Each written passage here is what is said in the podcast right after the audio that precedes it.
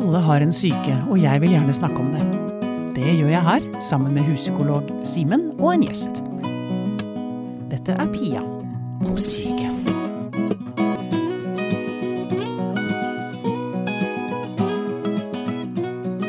Et riktig godt nytt år til deg. Huspsykolog Simen og jeg startet vårt samarbeid og høstsesongen med å lage en temamåned som handlet om følelser. Vi inviterte tre mennesker som alle kan masse om følelser og hvordan de spiller sammen. Og her har jeg plukket ut noen utdrag fra disse møtene. Den første vi hadde i studio var Tone Nordmann Eide, psykologspesialist ansatt ved Universitetet i Oslo. Hun kom ut med boken 'Følelser kjennetegn, funksjon og vrangsider'. Og her forklarer hun hvor viktige følelsene våre er, og hvorfor det er viktig å forstå dem. Hvis vi skal gjøre det, prøve å gjøre det litt enkelt, så kan vi tenke oss at følelsene våre inngår i et, et, et, slags system eller et stort apparat vi har i, i oss, på lik linje som kanskje immunforsvar eller noe, et, noe vi trenger, som vi er avhengig av. Uh, en ting er rent sånn fysiologisk for å overleve, uh, men også for å mer sånn psykologisk å orientere oss i verden, da. Og at disse følelsene, alle disse ulike følelsene våre, har, innehar liksom ulike signaler eller budskap som på en måte skal fortelle oss noe om hvordan, hvordan, vi har det, hva vi ønsker oss, hvilke behov vi har. Så de skal hjelpe oss på en måte til å være litt i kontakt, og kunne også be om det vi trenger. Mm. Uh, så de kan motivere oss til å gjøre ulike ting, da. Ja, for det er drivkraften, det husker jeg leste, det leste jeg i boka di, at det er liksom det som gjør at vi gjør ting. Riktig. Det er følelsene som ligger bak som en sånn drivkraft i hele livene våre, egentlig. Ja. Mm. Så vi trenger det følelsesapparatet da, med alle sine nyanser eh, til å, til å rett og slett handle og fungere i verden, ikke sant. Og det motsatte vil jo være at man ikke har kontakt med følelser, og dermed så blir man bare tom og tiltaksløs og apatisk. Sånn at det er en veldig viktig motivator, da. Mm. Eh, både de gode og også de dårlig, litt dårligere følelsene eh, kan fungere sånn. Eh, også I tillegg så er det en tredje ting som også er veldig viktig, og som noen forskere har vært veldig opptatt av, og det er jo at følelsene våre også har et kommunikativt aspekt. Altså vi bruker jo veldig mye følelser for å kommunisere. Vi snakker jo gjennom følelser, eh, kroppsspråk, ansiktsmimikk. Vi har en fantastisk eh, et ansikt som kan uttrykke utrolig mye. Gester, kroppsholdning. Eh, sånn at, kan, sånn at det å kommunisere gjennom følelser er jo også en veldig viktig måte, og det har det egentlig alltid vært. Og helt fra barnet er født, så er jo det det språket det har til rådighet. Da. Mm. Sånn at eh, det at vi er eh, kommunikative som mennesker og er på en måte orientert mot å, å søke kontakt, eller der bruker vi følelsene våre som et veldig viktig system, da. Mm. Er det sånn at vi er altså, jeg, jeg, tenker at vi, vi, vil veldig gjerne være rasjonelle vesener. Mm. Eh, men er det ikke sånn at følelsene faktisk er mye mer delaktige i avgjørelsene våre enn det vi liker å, å anerkjenne? Mm. Det er i hvert fall en del Det er ja. teorier som går på det. Ja. Mm. Det er en del liksom spennende sånn nevropsykologiske forskere også, som har liksom forsket litt på dette. Og jeg tenker på Damasio, for eksempel. En, mm. Antonio Damasio, som har forsket på mennesker som har hjerneskader, ervervede hjerneskader. Mm. Og som bruker sånne kasuseksempler med en som f.eks. fikk en hjerneskade som, eh, som, rammet på en måte litt sånn følelsessenteret i hjernen. Uh, og hvor han helt mistet retningssansen, bokstavelig talt. Altså han, han, klarte ikke lenger å fungere Altså han var tilsynelatende, klarte å tenke og snakke og alt sånt, men han klarte ikke lenger bruke følelsene sine som en motivator eller noe som kunne hjelpe han Eh, sånn at eh, Men når du sier han mister retningssansen, hva, hva, legger du i det? Eller det er ikke sånn at han ikke klarte å finne veien i byen, liksom, men mer sånn retningssansen i mellommenneskelige forhold? Ja, og i mm. livet. Det å liksom kunne ta valg, for eksempel, eller vite hva han skulle velge, gjøre noe som var bra for seg eller ikke, og sånn. Ja. Eh, sånn at eh, ja, sånn, øh, så han, men han klarte riktignok å tenke, da, men han klarte ikke lenger handle så hensiktsmessig. Nei. Eh, det sier jo faktisk ganske mye om hvor viktig disse følelsene er. Ja. Det er rett og slett en veldig, veldig stor del av, person, altså av, mm. av den vi er, liksom. Ja. Og uten følelser klarer vi nesten ikke å eksistere. Nei. Og hvordan vi tenker nå, ja, men også hvordan vi forstår oss sjøl tilbake i tid. Mm. Du har med et uh, fantastisk sitat i boka di, som jeg husker det ordrett, at affekt er biologi, men emosjoner er biografi. Mm. Kan ikke du Å, det, det Mm. Ja. Ja, ikke sant. Det å, og det er også noe med at uh, følelsene våre hjelper oss til å sortere minnene våre i hukommelsen. Og det vi, de opplevelsene vi har som er liksom ladet med følelser, er ofte de vi også husker best. Mm. Sånn at uh, hva vi husker er ofte litt sånn emosjonelt ladede situasjoner, og det har vi jo med oss i livene våre da, og hjelper oss også å, å styre unna ting vi kanskje har opplevd tidligere som vi ikke vi vil ha igjen. ikke sant? At følelsene minner oss på um, ja, ting som har vært bra og dårlig, og ting man uh, vil ha med seg videre. Så eh, ja, også det at ja, ikke sant, det påvirker valg, da, når du sa det med tanker i stad. At, um, at uh, vi noen, noen mener jo at de har en veldig sånn sterk intuisjon, eller at man har en veldig sånn sterk Magefølelse. magefølelse. Mm, den kjente magefølelsen. Ja. Og at det skal liksom hjelpe oss til å ta ja, gode valg for oss sjøl, da. Og som kanskje nettopp ikke er så rasjonelle som man tror. Og det baserer seg selvfølgelig mye på våre erfaringer, men ikke bare sånne tankemessige erfaringer, men veldig sånn følelsesmessige erfaringer som styrer oss i ulike retninger, da, uten at vi helt nødvendigvis har full oversikt over det, da. Jo Spesielt det de raske, intuitive beslutningene, Mm, kanskje. ja. Mm. Men når vi setter oss ned og tenker oss om, så bruker vi kanskje andre systemer som forhåpentligvis er mindre Ja. følelsesdrevet. Ja. Mhm. Og så kan det bli trøblete da hvis eh, følelsene våre er litt i konflikt. Da klarer vi jo ikke alltid å ta et valg i det hele tatt. Det kan være litt vanskelig noen ganger. Ja, nei, for det er jo ikke sånn at man går rundt og har én følelse en stund, og så Oi, nå føler jeg noe helt annet, helt klart og tydelig. Disse går jo veldig ofte i ball. Ja. Og er det ikke egentlig eh, Eller nå skal jeg prøve å ikke stille så ledende spørsmål, men det vil si dette blir ledende. Um, Er det ikke sånn at det er akkurat når følelsene krasjer mot hverandre, eh, at de setter seg fast, at man får et problem med psyken? Er det Ja, det kan være en måte å, å se det på. Eh, Det kan være mange, mange ting som påvirker psyken vår på en dårlig måte, men én ting er at de kan komme i konflikt, ja. At man blir, kan bli litt sånn handlingslammet eller overveldet f.eks. av mange ulike litt sånn kaotiske følelser som man ikke helt har, har kontroll på eller skjønner helt hvor kommer fra f.eks. Sånn at man bare føler seg overveldet av noen følelser som man ikke kan bruke til noe, da. Eh, det kan være en variant. Og, og også hvis man har vært i en, en eller annen følelsesmessig krevende situasjon over tid, så er jo det også veldig sånn tappende. ikke sant? Det kan tappe oss veldig for krefter og energi. Og ende opp med at man ender opp kanskje en litt sånn håpløshet eller en motløshet og gir opp litt. Grann, sånn at man blir litt sånn mer sånn depressiv, kan man si. da. Mm. Ja. Eh, eller at vi har en tanke om, eller en teo, noen teorier som, som handler om at mange følelser i konflikt gir mye angst. At det er de følelsesmessige konfliktfulle Altså Ja. det er det som skaper den angsten. Friksjon. Det er det at man ikke Ja. klarer å takle. Man klarer ikke å takle Det er for mange eh, følelser som står i opposisjon. Det, dette har vi snakket om i en tidligere episode, at dette med at hvis du er sint på mamma som du elsker, så er det to veldig sterke følelser som ikke klarer å Du klarer ikke å takle begge to samtidig. Riktig. Og da stiger angsten. Ja. Og da tenker man at man må sortere de følelsene fra hverandre. Det er jo, det er jo litt det man driver med i terapi, i hvert fall sånn som jeg husker. Eller som jeg har hatt i terapi da, når jeg har vært der. Mm. Mm. Og noen terapiretninger er jo opptatt nettopp av det at uh, man skal kunne klare å håndtere det å ha konfliktfylte følelser inni seg s- samtidig, uten å bli overveldet av dem. Men da er man jo også litt avhengig av å skjønne litt hvilke det er, hvor de kommer fra, og hvorfor det er vanskelig. ikke sant? At, eh, men at man, hvis man klarer å tåle at jeg kan, jeg kan faktisk eh, elske et menneske eh, samtidig som jeg er sint på det, Ja. at det er ok. Eh, betyr ikke at du er et dårlig menneske, f.eks., selv om du har de også litt negative følelser overfor noen du er glad i. Mm. Så for noen, noen terapiretninger er det et veldig viktig liksom, ja, prinsipp eller et mål å, å klare, da. ja. Ja. Motsetningene må kanskje alltid ligge der, og da heller å øve på toleransen for det, istedenfor å prøve å få løst det opp. ja. Og tåle det, ja. Det er det de med å ha- ha- tåle sine, sine egne følelser, og akseptere dem. Mm. Mm. Er det sånn at noen er født med mer følelser enn andre? Vi snakker om hypersensitivitet, hypersensitive mennesker. Mm. Eh, betyr det at de har mer er det, er det noen som er født med mer følelser? Og, og hvordan måler man det? Mhm. Ja. De, de mener jo det at eh, vi kaller det litt sånn på fagspråket for temperament, at man har et ulikt temperament. Mm. Eh, det er det mye som tilsier at vi har fra starten av. At, eh, og det går også på emosjonalitet, ikke sant. At man er raskere, altså reaktive. Man reagerer raskere med sterkere følelser, f.eks.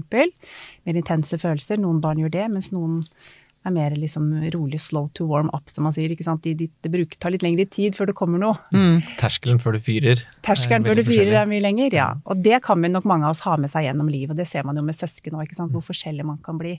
Men er, betyr det da at man har mer følelser, eller bare at man lar seg jeg holdt på å si, inspirere eller trigge av følelsene sine lettere? Mm. At man har lavere impulskontroll. Altså, ja. Dette blir jo litt sånn antagelser, da, men ja. jeg, jeg, vil jo tro at Det er gøy, altså, det er gøy å leke med disse ulike tankene, syns ja, jeg. Ja, mm. absolutt. Mm. Og jeg tenker jo at, sånn som jeg har vært opptatt av i boka, at jeg tror at, uh, at uh, alle har potensialet til å utvikle alle disse følelsene våre. Eh, at vi, vi, har alle tilgang til dem på en eller annen måte. Men av ulike grunner så er det noen som opplever at noen kan ta over og bli veldig sterke, f.eks. Eh, mens andre blir undertrykt eller nesten forsvinner helt og sier jeg, har, 'jeg tror ikke jeg har den følelsen', er det noen som sier. Mm. Og da kan vi som terapeuter tenke jeg tror kanskje den er der inne et sted. Den går vi ikke på så lett. Men du har, ikke, men du har kanskje ikke kontakt med den lenger. Mm. Sånn at, eh, men når det er sagt, så er det jo sånn at noen, noen vil raskere reagere med, med, sterke følelser og ha mye av det, mens andre er mer eh, lugne, og, og det, er, det, er, også fint, ikke sant, det er ikke noe galt i det, men mm. at man, så man har litt ulik repertoar, men at alle har i utgangspunktet det samme repertoaret til å kjenne og bli kjent med hele det følelsesspekteret, det tror jeg.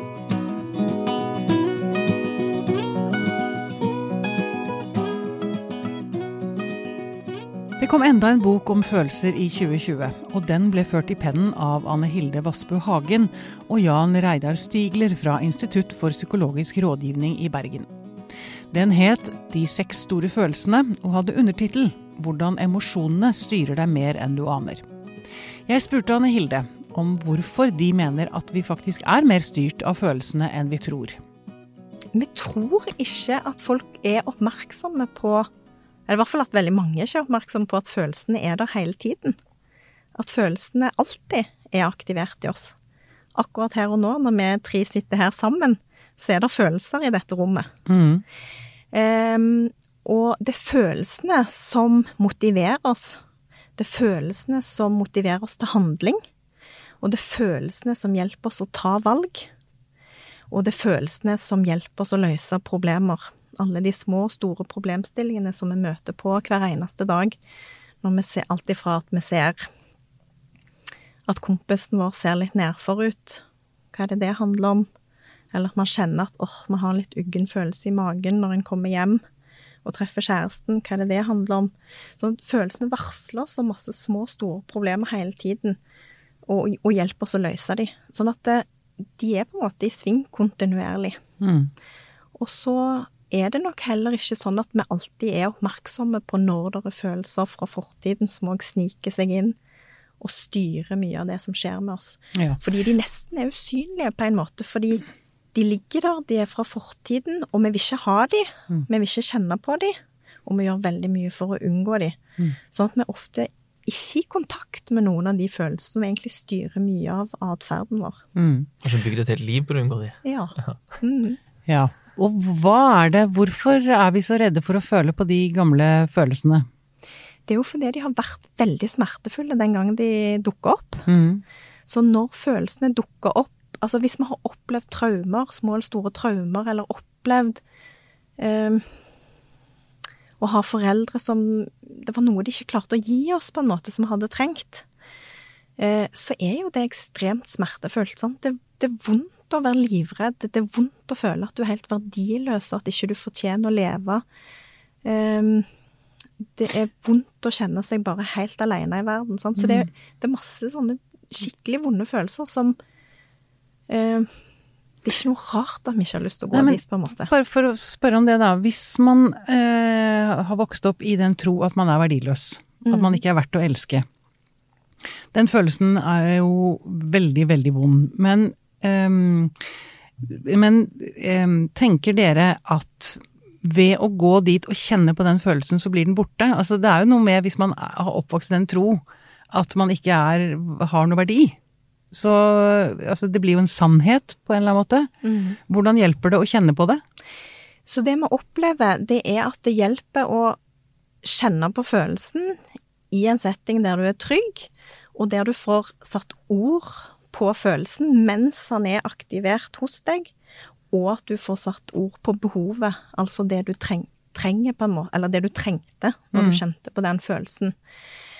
Og eh, så ligger det på en måte i den humanistiske tenkningen at vi har veldig tro på at alle mennesker vil strekke seg etter utvikling, og vil utvikle seg etter sitt potensial. Og så kan vonde følelser komme inn og hindre utvikling. Men hvis folk kjenner på de vonde følelsene, og får satt ord på følelsene, og får satt ord på behovet, så skjer det alltid endring i terapi. Ja. Det, Eh, og det som skjer, det er at det dukker opp nye følelser. Som er sunne, gode, hjelpsomme følelser som på en måte kommer inn og forandrer på virkeligheten. Og på, forandrer på hvordan hele minnet oppleves, og hele livet oppleves. Mm. Så det endrer ikke på hva som skjedde i handling, men det endrer historien. Sånn det hvis- endrer på blikket man har Ja, på seg selv, eller ja. på du, ja, du, Så hvis du for eksempel kjenner Hvis du virkelig kjenner på den der skammen av å være verdiløs, og synker ned i den, og er der, og får satt ord på den, så vil det dukke opp enten sjølhevdende sinne, Mm. selvomsorg Åh, så vondt jeg har hatt det. Mm. Og jeg var jo så liten. Mm. Tenk at jeg allerede da syntes at jeg var verdiløs. Mm. Faen, det var jo ikke greit at mamma og pappa signaliserte til meg at jeg ikke var verdiløs. Det var ikke greit i det hele tatt. Og så kommer det òg ofte en sorg over at det har vært sånn, over tapet både for det lille barnet og for alt man har opplevd seinere i livet som en følge av å føle seg verdiløs. Ja. Og de tre følelsene, sorg, selvomsorg og sjølhevdende sinne, det er med å transformere skammen. Og gjør at skammen blir mildere. Ja. Nå merker jeg at jeg blir nesten litt på gråten. Mm. det treffer vel noe i meg òg, kan, det- kan tenkes. Du kjenner på at Hva slags assosiasjoner gjør du deg, Simen, når du hører på Anne Hilde? Det er, eh, det er sterkt å høre på, fordi det er så godt eh, beskrevet hvordan terapi kan være virksomt. Mm. Og det er eh, så rørende å se dette spiller seg ut i, i levende livet, da, foran deg i eh, timen. Og i, i tillegg til de tre reaksjonene du beskriver, som jeg også kjenner meg godt igjen i, så er det også det å kunne se hvor um, forløsende og frigjørende det er når pasienter begynner å legge fra seg all unngåelsesstrategien som har prega livet deres kanskje i ekstrem grad lenge Mm. og uh, begynner å se mm, nye måter å leve livet på som ikke er like prega av de følelsene som de kanskje ikke engang uh, vedkjente seg helt at de hadde. For det, tenker også, det er jo noe med Hvis man alltid har hatt det sånn, så er det som om man har jo ikke lært det andre. Altså det, man vet ikke at det faktisk går an å få det bedre, nesten. Man tror at dette er standarden, dette er sånn alle har det. Og det er nesten sånn man har sant, Hvis man har et ubearbeida sår, kanskje det er delvis bearbeida, men ikke helt, eller Så har man jo òg ofte liksom det barneblikket eller ungdomsblikket på det, når skaden skjedde. Ja, man- man ser det med barn, Ja, barneøynene. Ja, sånn. Mens det tydeliggjør vi veldig med disse stolene, så da kan vi eksempel plassere eh, seks år gamle Anne Hilde i stolen. Mm, Se henne for deg der hun sitter. mm, og skamme seg sånn og føle seg som så slem og så egoistisk og så kjip. Hva har du lyst til å Hva kjenner du når du ser henne der? mm, Hva får du lyst til å si til henne? mm. Så, så det er et eller annet med de stolene med å gjøre materialet litt sånn levende og hente det fram og opp her og nå, da. Nettopp. Mm. Dere har skissert de seks store følelsene, i motsetning til eh, Tone som hadde tolv. Men du, du, dere mener at, det er, at alle følelser har fire underkategorier? Ja, det Eller du snakker om adaptive og maladaptive. Snakket om, kan ikke du fortelle hvordan dere skisserer følelsene våre? Ja. Så vi tenker at alle disse grunnfølelsene kan være det vi kaller for eh, primære adaptive, som er på fagspråket, men det betyr egentlig bare det du egentlig føler, og den første følelsen som dukker opp i en gitt situasjon. Eh, og når vi kjenner på sånne primære følelser, så kjenner vi ofte på hjelpsomme følelser som gir oss god informasjon. Hvis det skjer noe farlig, og jeg blir redd, eh, så er det et godt signal til meg mm. om hva jeg bør gjøre for å komme komme meg i sikkerhet. sunn, eh, sikkerhet. Er sunn følelse. En Mm. sunn følelse. Mm. Uh, og så er det jo litt sånn ulike måter det krøller seg til for oss på med følelsene våre, og med kommunikasjon av følelser til andre.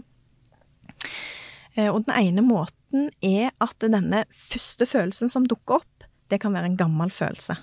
Så på fagspråket så kaller vi det for en primær maladaptiv følelse. Som egentlig bare betyr at det er en gammel følelse som hører fortiden til, men det er den første følelsen som dukker opp i en gitt situasjon. Og det er altså de mest smertefulle følelsene. De, de er ikke til hjelp for oss. De er gamle. De har gamle, umøtte emosjonelle behov knytta til seg. Mm. Noe vi ofte lengter etter å få, som vi aldri fikk. Um, og de er bare vonde, og det er de vi jobber med å endre i terapi. Um, så vi liksom er litt sånn veldig sånn alltid veldig på jakt etter de gamle følelsene, og det er ja. de vi liksom vil ha opp og fram. Mm. Uh, og så En annen måte det liksom kan rote seg litt til i følelsene våre på, er at av og til så er vi sammen med folk som vi ikke er helt trygge på. Vi vet ikke helt om de vil oss vel. Sånn at vi har ikke nødvendigvis lyst til å vise dem våre primærfølelser. Altså, For da er man så ærlig? Vise da, det vi egentlig vi, føler. Viser man hjertet sitt, sånn, liksom? Sånn at mm. det er akkurat som Vi kan ikke gå rundt i verden og alltid vise alle hva vi føler det blir for sårbart. Så vi trenger å beskytte oss. Så derfor så har vi den på uh, fagspråket kaller for sekundære følelser, som legger seg over de primære følelsene av og til, som et litt sånn beskyttende lag. Eh, vi føler at vi har følelsen likevel. Um, men da spiller man egentlig en rolle, da? Ja, det er ikke helt at du spiller en rolle, men du, du føler noe annet istedenfor. Men du, du, kontrollerer du det selv, eller? Nei, Nei det skjer det, ubevisst. Det ubevisst. Ja, mm. Mm. Så du velger det ikke sjøl. Mm. Det er ubevisste prosesser og noe, en måte du har lært deg å håndtere følelser på opp gjennom livet. Mm. Så for eksempel um, så er det en del menn som når de blir lei seg, så blir de sinte. Mm. Fordi de har lært at store gutter gråter ikke. Så det er ikke greit at du er lei deg, har gjerne blitt signalisert på ulike måter. Sånn at når tristheten dukker opp som den første viktige følelsen, som har viktig informasjon om hva du trenger, så kan det altså legge seg da eksempel et sinne over som et beskyttende lag, som beskytter deg mot denne følelsen som du ikke helt vil ha, eller ikke vet helt hvordan du skal ha, eller hvordan du skal håndtere.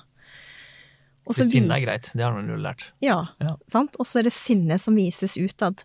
Men de sekundære følelsene, altså disse beskyttende følelsene, i dette tilfellet sinne, har ingen emosjonelle behov knytta til seg. Sånn at de blir akkurat som et feilsignal ut til verden. Ja. Og noen ganger er det lurt, og noen ganger så blir det veldig problematisk for oss i nære relasjoner. Mm. Der vi ikke egentlig trenger å beskytte oss, og der Eh, Hvis man f.eks. møter sitt barn med sinne istedenfor ja. eh, tristhet, ja. kanskje. Her blir det til og med motsetninger.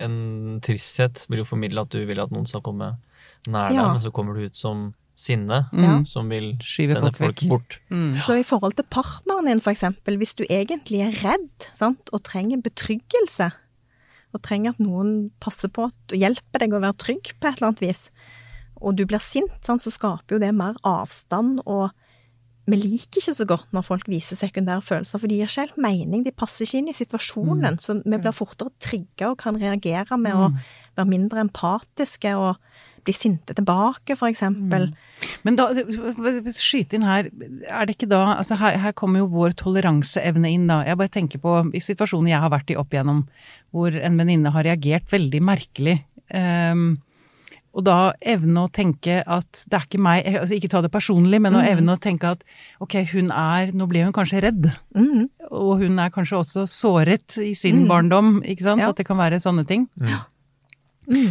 Så lurer jeg på, eller Simen, jeg kan spørre dere begge, men um, merker du veldig forskjell eh, på kvinner og menn i terapirommet? Sånn når du hører Anne Hilde det hun snakker om her, liksom? Ja. Ja, at du ser at menn kan Eller ja, at det er Bruker man forskjellige taktikker for å beskytte sårbarheten sin? Som kvinner og Ja, det, det ved Trum så er det også dette med, med, det som er kulturelt betinget. Det er greit for menn å være sinna og sure for mm. å jobbe med sånne svære sjablonger, da. Mm. Mens uh, for kvinner det ofte ikke er det. Mm. Ja. Så det er jo to strake motsetninger. Så med den type mann så vil du jo ikke jobbe for å få kontakt med et sinne som egentlig er der. Kanskje tvert imot vil du snakke da om et sinne som kanskje er litt overskyggende for andre nyanser. Ja. Og da kan det jo være greit å ha i bakhodet hvilke følelser er det som er mindre ok for den sånn type mann å kanskje snakke om. Og er det være litt på vakt etter det, da. ja. Eksempelvis um, en som forteller om at han er så innmari sinna, og han er så utrolig konkurransedrevet hele tida.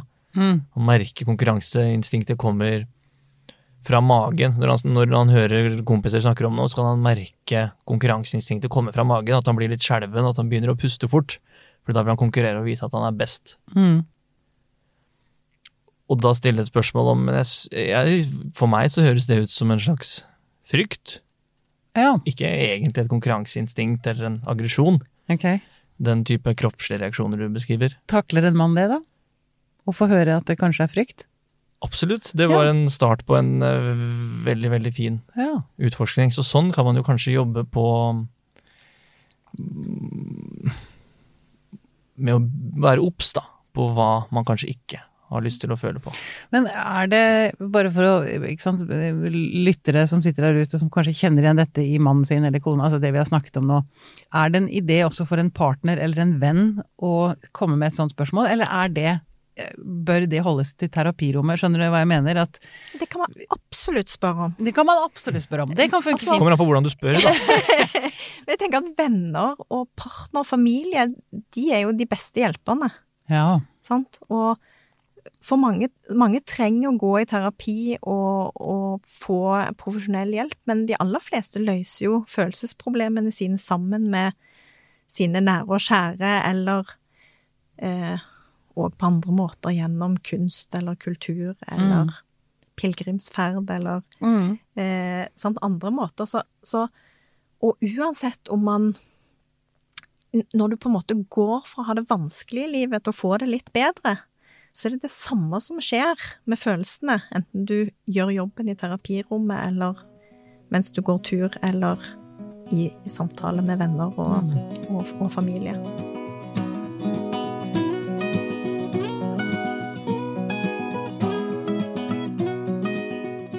Semir Popovats er psykologspesialist ved Favnes psykologbistand i Oslo. Som ung mann flyktet han fra krigen i det tidligere Jugoslavia. Krig og flukt er i utgangspunktet noe av det verste et menneske kan oppleve, men Semir mener at de ytre hendelsene ikke nødvendigvis står i forhold til hvor stor den opplevde smerten er.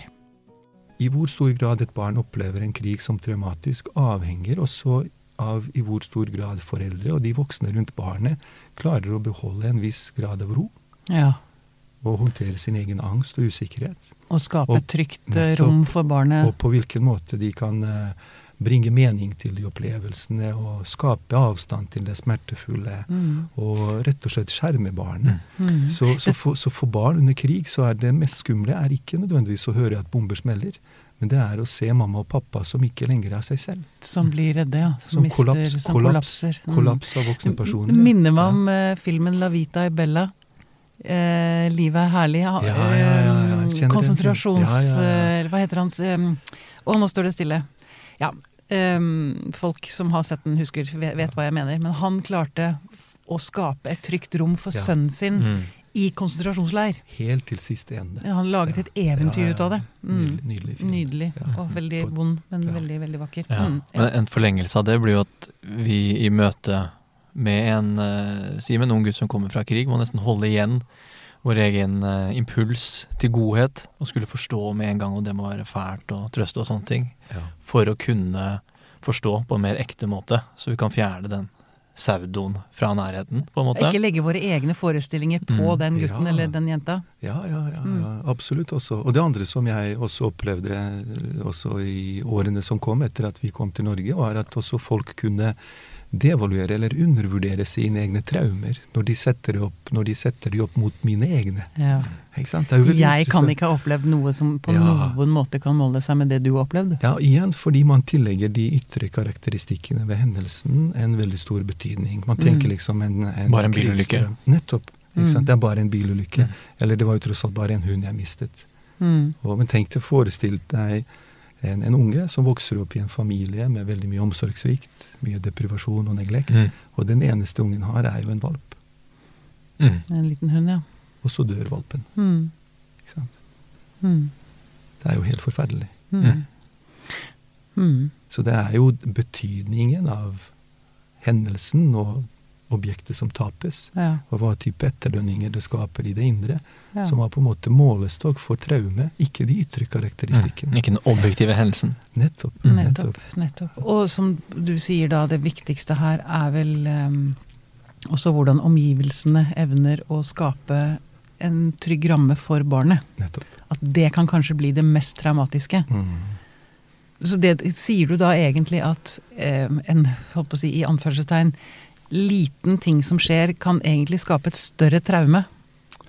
Um, Ja, igjen, ikke sant. Også hvis man kaller det en liten ting, altså hvis man, hvis man kaller en liten ting som tap av et kjæledyr, mm, sammenlignet med en større ting som man vil da assosiere med krig, mm, så er det først og fremst etterdønningen i det indre som faktisk Hvilke etterdønninger det skaper, hendelsen skaper i den indre, som er rett og slett målestokken for hva type traume vi, vi snakker om. ja, Hva er liksom den følelsesmessige betydningen av objektet som tapes? mm, Ikke sant? mm, Og jeg, når jeg sier at for barn så er det veldig viktig at de opplever at voksne rundt dem er noenlunde samlet, så mener ikke jeg å mm, på en måte eh, underkjenne også alvorlighetsgraden i, og, i, i frykten rundt at bomber smeller og at Mm. folk blir drept. Og, ikke sant? Men igjen eh, så er, eh, så er eh, konteksten rundt oss og omsorgspersoner rundt oss veldig viktige mm. til å kunne både håndtere de følelsene som skapes, og til å kunne bringe mening til,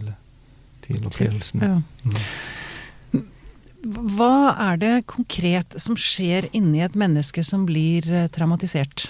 Ja, det er jo et veldig godt spørsmål. Fordi hvis vi skulle da flytte fokus fra det ytre til det indre, Mm. hvis vi skulle slutte å snakke om ja, han opplevde et overgrep, eller hun ble utsatt for et voldtekt, og det er Mm. forferdelig, selvfølgelig. Og hvis vi skulle da tenke ja, Fordi det var vel et kriterium. Ja. Altså, for å kunne få en traumediagnose, så måtte du ha opplevd en per definisjon Helt livsfarlig hendelse, eller observert en. Nettopp. Det A-kriteriet, som man kalte det i diagnoseboka. Aha. Og det, er- det mener dere er feil?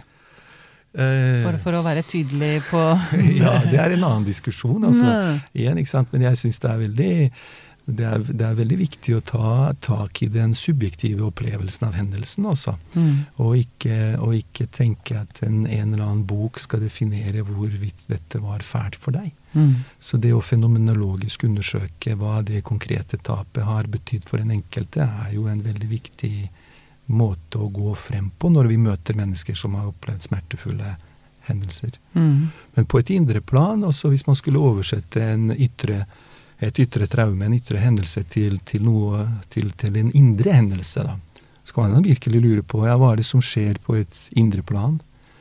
Hva, hva er det det indre i grunn består av? Hva er det som rokkes ved i det indre Mm. når man opplever en hendelse som man da omtaler som traumatisk? Så tror jeg at bare for samtalens skyld så, så er det kanskje greit at vi sier bare kort om ja, hva, hva, hva mener man med det indre? Mm, Hvordan skal mm. man liksom definere det indre? Ja. Og, og, og, og igjen, for enkelthetsens skyld, da, så kan, kan jeg si at vi, vi kan jo si at vi har en grunnleggende opplevelse av å eie våre egne følelser, av at vi eier våre egne tanker, at jeg eier mine egne handlinger, Mm. at jeg, at jeg tar bolig i meg selv. Mm. Altså Det er en kjerneopplevelse av eierskap. Mm. Det er sammenhengende. Og det gir mening. Helt riktig. Og, det, og den opplevelsen, den kjerneopplevelsen av å eie seg selv, sine egne følelser, tanker og handlinger, det er det vi i psykologien kaller for selve. En kjerneopplevelse av eierskap. Mm. Og utover det så har vi også en, en opplevelse av agens. Jeg, jeg, jeg eier Eh, ikke eh, Følelse av Hva sa du? Agens. agens? Forvaltning. Aha. Handling. Type Jeg eier ikke bare mine følelser, men jeg forvalter de også. Ja. Det er ikke bare at jeg eier min tristhet, Mhm. men jeg forvalter den også. Mhm. Ikke sant? At jeg kan søke kontakt og nærhet når jeg trenger trøst, f.eks. Mm. Så- kontroll. Ikke sant? Mm. Så denne forvaltningen av følelsene og forvaltningen av seg selv kaller man i psykologien for ego. Så det er liksom bare interessant terminologi. Også selve er på en måte opplevelse av eierskap, og ego er en opplevelse av forvaltning. Så ego forvalter de følelsene. Vi forvalter våre egne følelser. Og når vi opplever da en hendelse som skaper så sterke følelser i oss at vi ikke evner å forvalte de, At vi mister en følelse av eierskap. At vi ikke har kapasitet til å romme alle de følelsene som er i oss, og ta de i bruk til å regulere kontakt og nærhet, og Mm. ta avstand fra overgriper. Kan ikke Så- bruke det til noe hensiktsmessig, som vi har snakket om nettopp. de siste ukene, hvordan følelsene skal være funksjonelle, Nettopp, men her blir de Ja. bare et vonde. Nettopp. Og så tenk deg da i et overgrepssituasjon hvor du ikke får brukt ditt sinne til å, til å forsvare deg, Mm. eller redsel for å komme deg unna. Mm. Det oppleves som en slags sånn psykologisk impotens. Ja. Det er, et interessant begrep også, psykologisk impotens. Du, du får det liksom, du får ikke brukt din aggresjon til å komme deg vekk, få, Mm. ta det i forsvar. Ikke sant? Som aggresjonen grunnleggende sett skal. Nettopp, Mm. nettopp, nettopp. Så, Ja, eller, eller om foreldre f.eks. For nekter barnet å føle de følelsene barnet har. Kontro altså det, det er jo en del foreldre som kan være litt kontrollerende. Eh, som vil Mm. impo hva heter det legge sine egne følelser over på barnet. Nettopp. Nettopp. Ja, det er jo, jo- Det er jo også en, et interessant spor å følge opp, Mm. ikke sant? Mm. Men i, i, dette, i, dette, i, i dette tilfellet hvor vi snakker om traumatiske hendelser som barnet blir utsatt for, så vil Mm. da følelsene som barnet da opplever, overgå barnets kapasitet, eller den enkeltes kapasitet til å forvalte de hensiktsmessig. Mm. Du, man opplever en, som jeg var inne på, en psykologisk impotens. Mm. Eh, maktesløshet. Mm. Mm. Og der har vi avmakt. Der har vi avmakt. Der kommer avmakten. Der har vi avmakt. Og det interessante også er hvis man virkelig går inn i det og forsøker å kjenne etter, så vil også den psykologiske impotensen kunne også oppleves som en slags sånn indre svik mot seg selv. Ja, Ikke sant? ikke sant. Ja. Da mister man jo hele nesten livskraften sin, da. Ja. Det er kanskje relevant å nevne også den kanskje mest kompliserte mm, formen for traumer, der hvor omsorgsperson også er utøver Ja. i nettopp dette her. Hvor det, blir en, eh, hvor det blir et paradoks om at du vil jo komme nærmere omsorgsgiveren din, men så er det også den som utfører det traumatiske. Nettopp. Ergo du blir eh, totalt handlingslamma. Totalt handlingslamma. Mm. Ja. Og følelsene kan ikke virke sånn som de har, skal virke fra naturen sin side lenger. Nettopp. Nettopp. Og hvis man da tenker at ja, hva er det, det som er mest grunnleggende i oss, da? Det er jo relasjonsbehovet. Mm. Så hvis vi da tenker at det er barnet som blir utsatt for et overgrep eller noe som er traumatisk fra de som barnet også er tilknyttet til, Mm. så vil da relasjonsbehovet også trumf, trumfe over barnets behov for følelsesregulering. Barnet forblir i relasjon til den ikke-bekreftende forelder. Fordi det er relasjon som er det viktigste. Da, det, det, det må du forklare litt, eh, det må du ta litt nøyere. Eh, altså, hvis man, hvis man som barn ikke får forvalte sine egne følelser, man, Ja. det blir, man blir overveldet, og Ja. hvis Nei, ja. eh, Ja, så sier ikke barnet til sin mor Mor, du har store problemer med deg selv. Du trenger å finne noen å snakke med. mm, Jeg går til tante og deler Mm. mine følelser med henne. mm. Nei, Nei, gjør ikke det. nei. Barnet automatisk fanger opp at eh, barnets følelser skaper støy i relasjon til mor. Mm. At det er noe mor har, eller far Mm. har vanskeligheter med å forholde seg til. Mm. Og de følelsene automatisk vil også kunne aktivere en del angst i barnet. Ja, Fordi relasjonen blir satt på spill. ikke sant. Ikke sant? Men da blir jo barnet helt låst. Ja, Og hvis man bærer med seg dette inn i voksen alder, ja, som man ofte gjør. som man som regel gjør, vil jeg vel nesten si Det skal godt gjøres å komme ut av det der, hvis ikke man får hjelp. Jeg jeg tenker kanskje det er greit å nevne at vi nå ikke nødvendigvis snakker om en sånn spesifikk PTSD-diagnose. Nei. Som kanskje mange har eh, opplevd å få, eller har, har lest seg opp på. Det- Dette er mer sånn overordna konsekvenser av traumatiske opplevelser, da. Mm. Som er eh, jo en mer spennende diskusjon, men som kanskje ikke er helt det samme som en sånn drøft av PTSD. Eh, diagnosen og spesifikk behandling eh, Mm. for det, da. En av, de, en av de mulige utfallene, eller et av de mulige utfallene og scenarioene som kan skje, det er at de følelsene som skapte eh, trøbbel eller ikke, som det ikke var plass til i relasjon til mor eller far, Mm. at de følelsene på samme måte eller lignende måte også kunne oppleves som truende eller uakseptable i relasjoner man utvikler til andre senere i livet.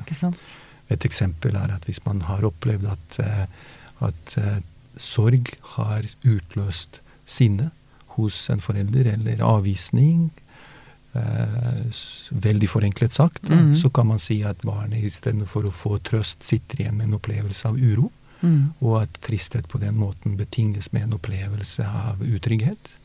Og at når jeg da er trist, så setter jeg da relasjon, en viktig relasjon på spill.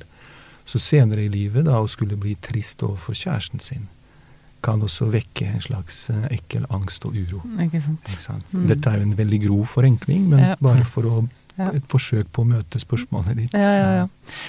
Um, har, har, tenk, er vi ferdig med altså, hva som skjer inni et menneske som blir traumatisert? Uh, var det mer du ville si om det? Jeg lurer på om jeg avbrøt noe inni der? Overhodet ikke. også. Jeg syns det er veldig, veldig viktig det vi nettopp gjorde, at vi, at vi ikke ser på det, de alvorlige traumatiske hendelsene som noe som er helt atskilt fra normal psykologi. Mm. Fordi det vi endte opp med å snakke om nå, er jo på en måte hører hjemme mer i hverdagspsykologi, av noe vi alle vi opplever i større eller mindre grad med våre foreldre. Mm. Og når vi da snakker om ekstreme hendelser, sånn type krig og, dødsfall, uforutsigbare dødsfall og voldshendelser, så, så snakker vi da om en type mer ekstrem intensivering av følelsene i barnet, eller til det offeret som opplever den hendelsen. I grunn og bunn så handler det da igjen om det samme. At følelsene som hendelsen aktiverer, overgår ens kapasitet til forvaltning og regulering. Mm. Slik at man blir på en måte litt sånn fremmedgjort for seg selv. Mm. Er dette virkelig meg? Mm. Og denne opplevelsen av psykologisk impotens og ikke evne å regulere seg selv. Bruke følelser til å komme seg i sikkerhet, søke trøst osv. osv. Ta Mm. seg selv i forsvar. Mm. Det gir en opplevelse av maktesløshet og avmakt. Mm. Og kan oppleves som et indre svik Ja. Mot seg selv. Så, så, så det er på en måte en slags eh, altså indre, definisjon av det indre traumet. Ok, Semir, nå mot slutten, er det noe du eh, har lyst til å løfte frem som du ikke har fått sagt, eller som eh, du har lyst til å understreke av det du har sagt før? Altså hva rundt dette med hat, avmakt, forsoning, tilgivelse? Jo, altså jeg kunne tenke meg bare å bare gå tilbake til dette veldig viktige vitaliserende aspektet ved følelser. Ja. Det å liksom komme, komme tilbake der hvor man kjenner at følelser vitaliserer meg. Mm. Og jeg syns det er utrolig fint at dere har hatt disse episodene nå med fokus på følelser. Og jeg syns det er flott at det skrives så mange fine bøker Mm. på norsk nå som har kommet ut. To, to bøker av, av eh, Tore Nordmann, Tone Nordmann Eide, og så denne fine gjengen fra Anne Hilde Vassbø ja, Nydelig. Også, Og, og, og jeg, når jeg leser det og følger med på den debatten, så ser jeg også at følelsene har fått en sånn veldig fortjent sentral plass i vår forståelse av psykiske vansker og, Mm. og utviklingspsykologi.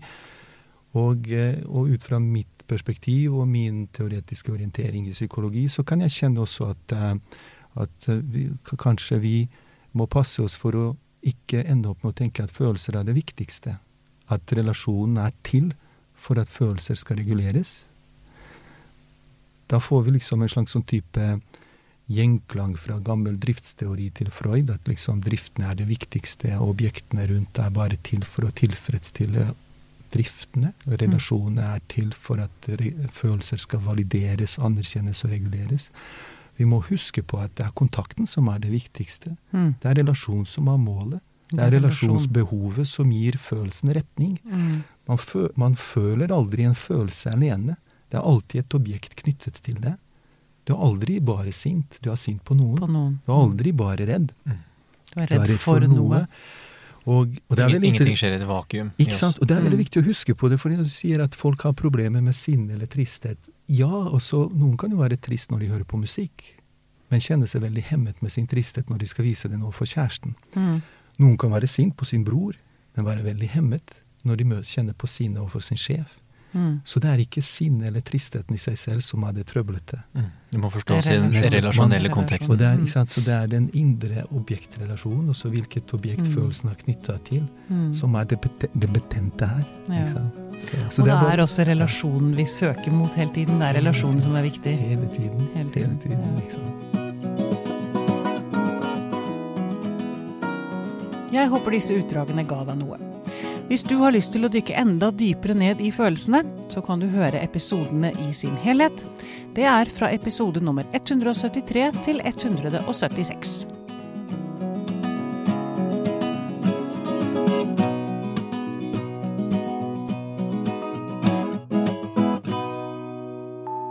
Podkasten er produsert av Tid og Lyst. med støtte fra stiftelsen Kåre Berg.